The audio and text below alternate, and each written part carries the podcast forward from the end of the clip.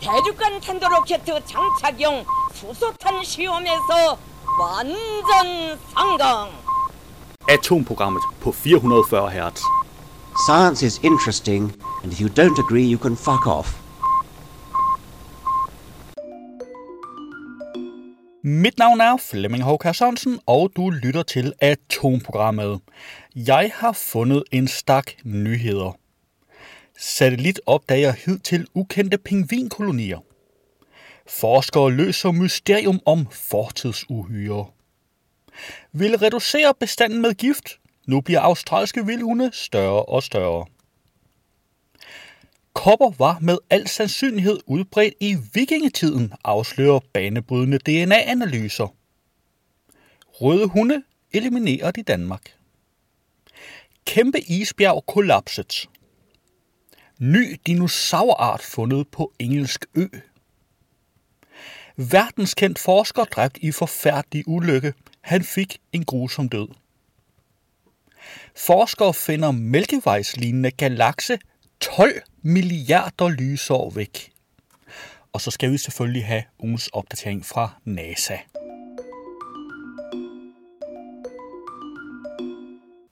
På Ekstrabladet fandt jeg, satellit opdager hidtil ukendte pingvinkolonier. Der er flere kejserpingviner på Antarktis, end man hidtil har troet. Billeder taget fra det ydre rum af satellitten Copernicus Sentinel-2 afslører 11 kolonier af, af kejserpingviner, som man ikke kendte til i forvejen. Det skriver British Arctic Survey i en pressemeddelelse. Dermed er antallet af kendte pingvinkolonier på Arktis fra den ene dag til den anden steget med 20 procent. I alt kender verden nu til 61 kolonier.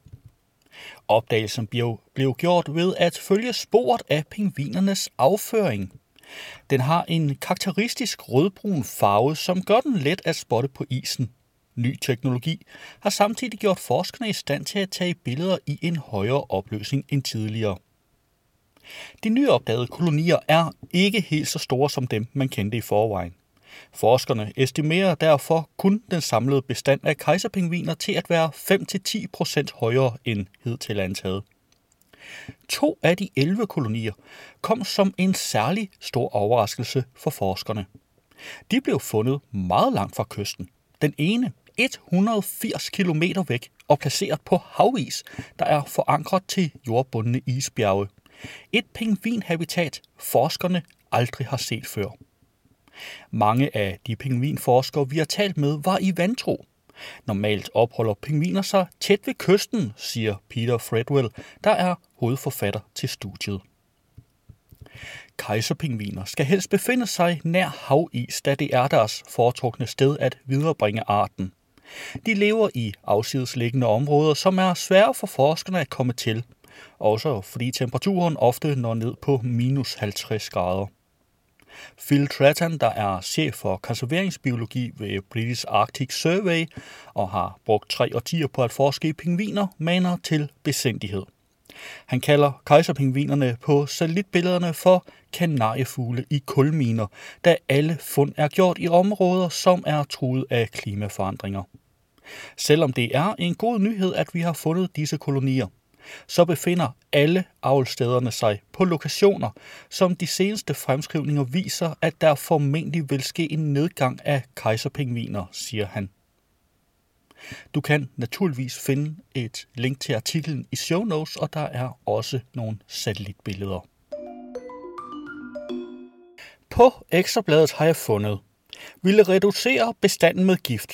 Nu bliver australske vildhunde større og større. Sidste år blev tre børn angrebet af vilde hunde på den populære australske ferieø Fraser Island.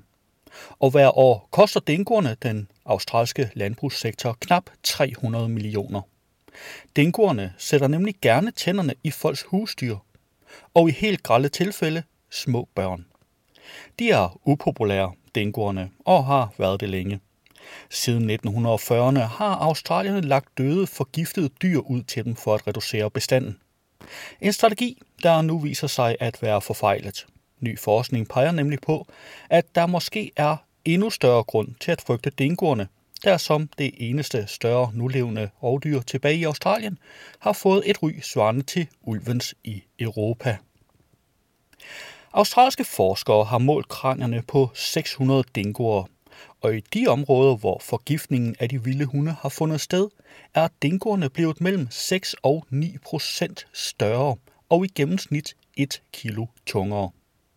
Der foreligger endnu ikke nogen entydig bevis for, hvad denne størrelsesforøgelse skyldes. Forskerne arbejder foreløbig med to teorier. Den første peger på, at mange dingoer dør af giften, og at der derfor er mere føde til de overlevende. En anden teori går på, at den forgiftede lokkemad har dræbt flere af de mindre dingoer frem for de større, fordi større kropsmasse kræver mere gift. Derfor overlever de største dingoer, og de vil altså vokse over tid. Ifølge Bengt Holst, videnskabelig direktør i Københavns Zoologiske Have, virker den sidste teori sandsynlig. Når der kommer et særligt genetisk pres på dyrearter, tilpasser de sig. Så hvis det at være større er en fordel, fordi giften ikke dræber dig, er det helt naturligt, at bestanden vokser sig større over tid, siger han. Og nævner endvidere, at der er utallige eksempler på, at dyrearter på grund af mennesker har måttet tilpasse sig i en fart. Du kan naturligvis finde et link til artiklen i show notes. Fra forsøget på at eliminere vildhunde i Australien til forsøget på at eliminere røde hunde i Danmark. På BT fandt jeg røde hunde elimineret i Danmark. Danmark er nu en del af de 42 europæiske WHO-lande, som har elimineret børnesygdommen røde hunde eller er i gang med at blive det. Det fremgår af Statens Serum Instituts hjemmeside. Elimineret betyder ikke, at sygdommen ikke til tider opstår i Danmark. Det sker dog med stort mellemrum og bliver stoppet hurtigt nok til, at Danmark kan kalde sygdommen for officielt udryddet.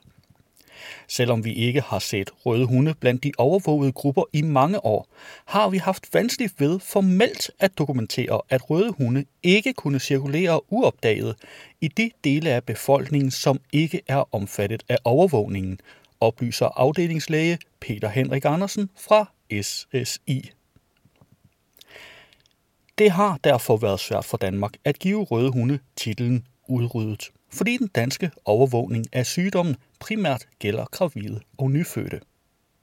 Alle europæiske lande, der er med i WHO, skal hvert år aflægge status om eliminationen af mæslinger og røde hunde i det enkelte land. Mæslinger blev officielt udryddet i Danmark i 2017. Det er en ekspertkomité, der vurderer landenes rapporter. Komiteen hedder RVC og arbejder uafhængigt af WHO. Ved hjælp af supplerende data kunne SSI overbevise RVC om, at røde hunde er et overstået kapitel i Danmark. Dermed opfylder vi betingelserne for at have elimineret sygdommen, siger Peter Henrik Andersen. Vaccinen mod røde hunde blev indført i Danmark i 1987 og SSI mener, at det høje antal vacciner er årsag til, at sygdommen nu er udryddet. Fremadrettet skal SSI stadig kunne dokumentere tilfredsstillende sygdomstal og et godt overvågningssystem. Sygdommen røde hunde skyldes Ribula-virusen og er ikke særlig smitsom, oplyser Statens Serum Institut. Du kan naturligvis finde et link til artiklen i show notes. På Ekstrabladet fandt jeg Kæmpe isbjerg kollapset. Sommeren i det arktiske Kanada har været 5 grader varmere end gennemsnittet de sidste 30 år. Det får nu fatale konsekvenser. Den sidste intakte ishylde i Kanada, der næsten har samme areal som København, er styrtet sammen på kort tid. København er 88 kvadratkilometer, mens isstykket er 80 kvadratkilometer. Varmere lufttemperaturer, kystvinde og åbent hav foran ishylden er den triste opskrift på at få et isbjerg til at kollapse. 40 procent af isen forsvandt på blot to dage i slut juli, hvilket forbavser forskere, der har lejr tæt på. Det er et held, at vi ikke er på ishylden, da den kollapser, fortæller forsker på Charlton University i Ottawa, Derek Müller, på sin blog. To ishylder er også forsvundet hen over sommeren på den kanadiske ø Ellesmere. De forsvandt, som var det personer med dødelig kræft. Det var blot et spørgsmål om tid, siger Mark Series, der er direktør på det nationale sne- og isdatacenter i Boulder, Colorado. De to andre isbjerge på Ellesmere forventes at forsvinde inden for de næste 10 år. Og du kan naturligvis finde et link i show notes. På ekstrabladet fandt jeg ny dinosaurart fundet på engelsk ø.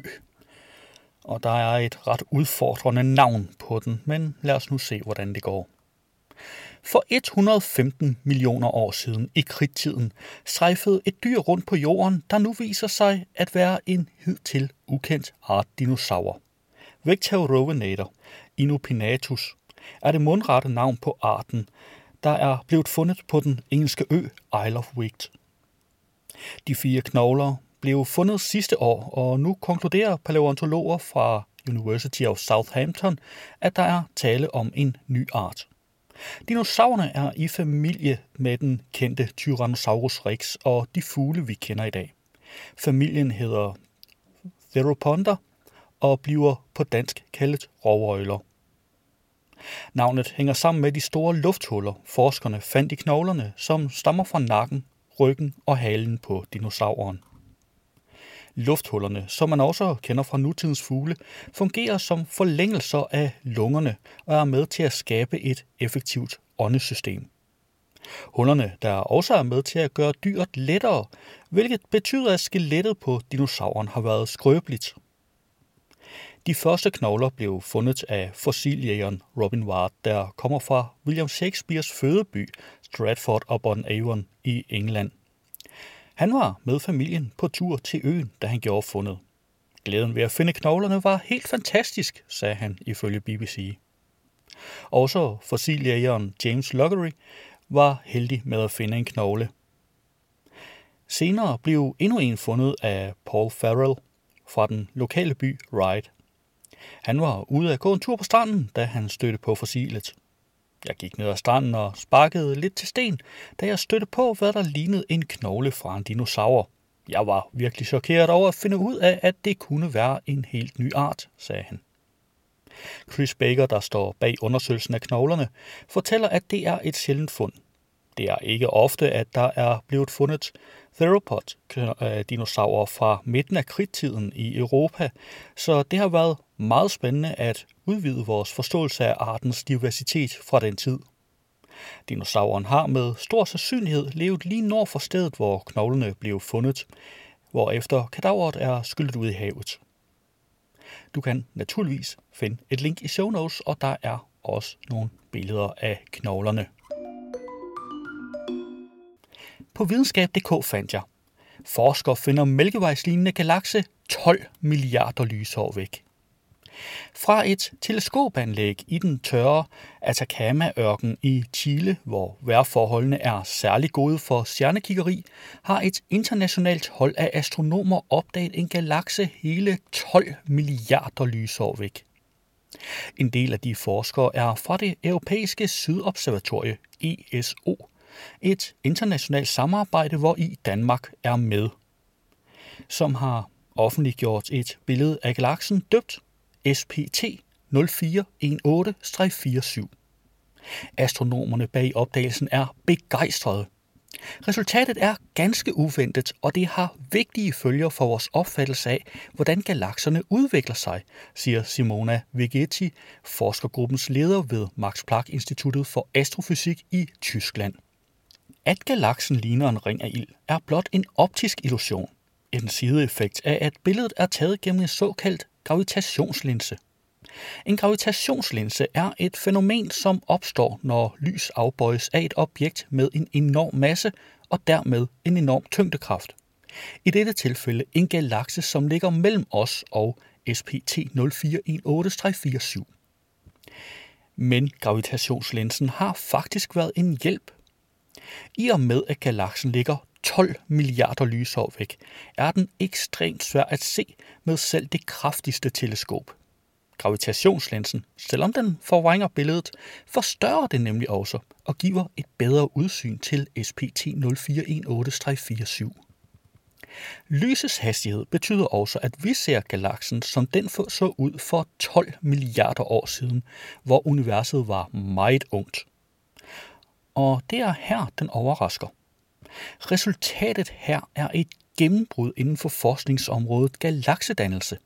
Det viser, at de strukturer, som vi ser i nære spiralgalakser og i vores egen mælkevej, allerede var på plads, forklarer Francesca Riso, phd studerende på Max Planck Institut for Astrofysik. Forskerne har brugt en ny computerteknik til at fjerne forvejningerne og genskabe galaksen, som den egentlig ser ud. Processen kan ses i videoen her fra ESO's YouTube-kanal. Nu er radio jo ikke et overvældende godt medie til billeder og video. Til gengæld er der et link i show notes, hvor du kan se videoen. Ja, og havde du så hørt radioudgaven i stedet for podcasten, så ville der her have været This Wicked NASA. Men vi har kun tilladelse til at sende den i radioen, ikke i podcasten. Du kan dog finde et link til den i show notes. Lad os se på nogle af de nyheder, der ikke blev plads til i dag. På Ekstrabladet fandt jeg, forskere løser mysterium om fortidsuhyre. Siden fossilerne af reptilet Tanystrophius blev fundet og beskrevet i midten af 1800-tallet, har det langhalsede reptil været et mysterium for forskerne. Reptilet var 6 meter langt og havde en hals på 3 meter. Hvordan kunne sådan en skabning bevæge sig omkring? Svaret er, at den levede i vand, skriver Field Museum Chicago, USA i en pressemeddelelse. På videnskab.dk fandt jeg, Kopper var med al sandsynlighed udbredt i vikingtiden, afslører banebrydende DNA-analyser. Kopper er en af de største dræbere i moderne sygdomshistorie. Med omkring 500 millioner menneskeliv på samvittigheden alene i 1900-tallet, har koppervirus spillet en anselig rolle. En af moderne sygdomshistories største triumfer var udryddelsen af kopper i 1980, efter en verdensomspændende indsats. Men hvordan den vandsirende og smitsomme sygdom har udviklet sig op igennem tiden, er stadig ret ubeskrivet. Det hidtil tidligste genetiske bevis for koppervirus stammer fra 1600-tallet. Nu kan et internationalt forskerhold med deltagelse fra blandt andet Københavns Universitet, Frederikssund Museum og Syddansk Universitet i midlertid konstatere, at kopper som minimum eksisterede 1000 år tidligere. På lokalavisen fandt jeg verdenskendt forsker dræbt i forfærdelig ulykke. Han fik en grusom død. Den internationalt anerkendte glaciolog Konrad Steffen, også kendt som Conny, forsvandt i søndags, da han i forbindelse med feltarbejde på indlandsisen styrtede ned i en gletsjerspalte.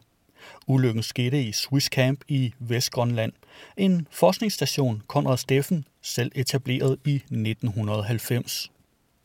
Ulykken skete på et tidspunkt, hvor der var dårligt sigte på grund af sne og vind. Som jeg har fået det fortalt, brugte holdet sikkerhedsudstyr, men de havde taget det af for at gå ind og spise. Connie skulle bare lige 50 meter væk fra gruppen for at skifte hukommelseschip og downloade de data, der var på chippen, fortæller Jørgen Peder Steffen. Men der var opstået en spalte i isen, som sandsynligvis blev dækket af et tyndt lag sne, så han ikke kunne se den. Bum, og så røg han igennem et lille bitte hul. Links til alle artiklerne kan du selvfølgelig finde i show notes. Det var jo, hvad jeg havde for i dag. Vi løs ved næste uge, samme tid, her på kanalen.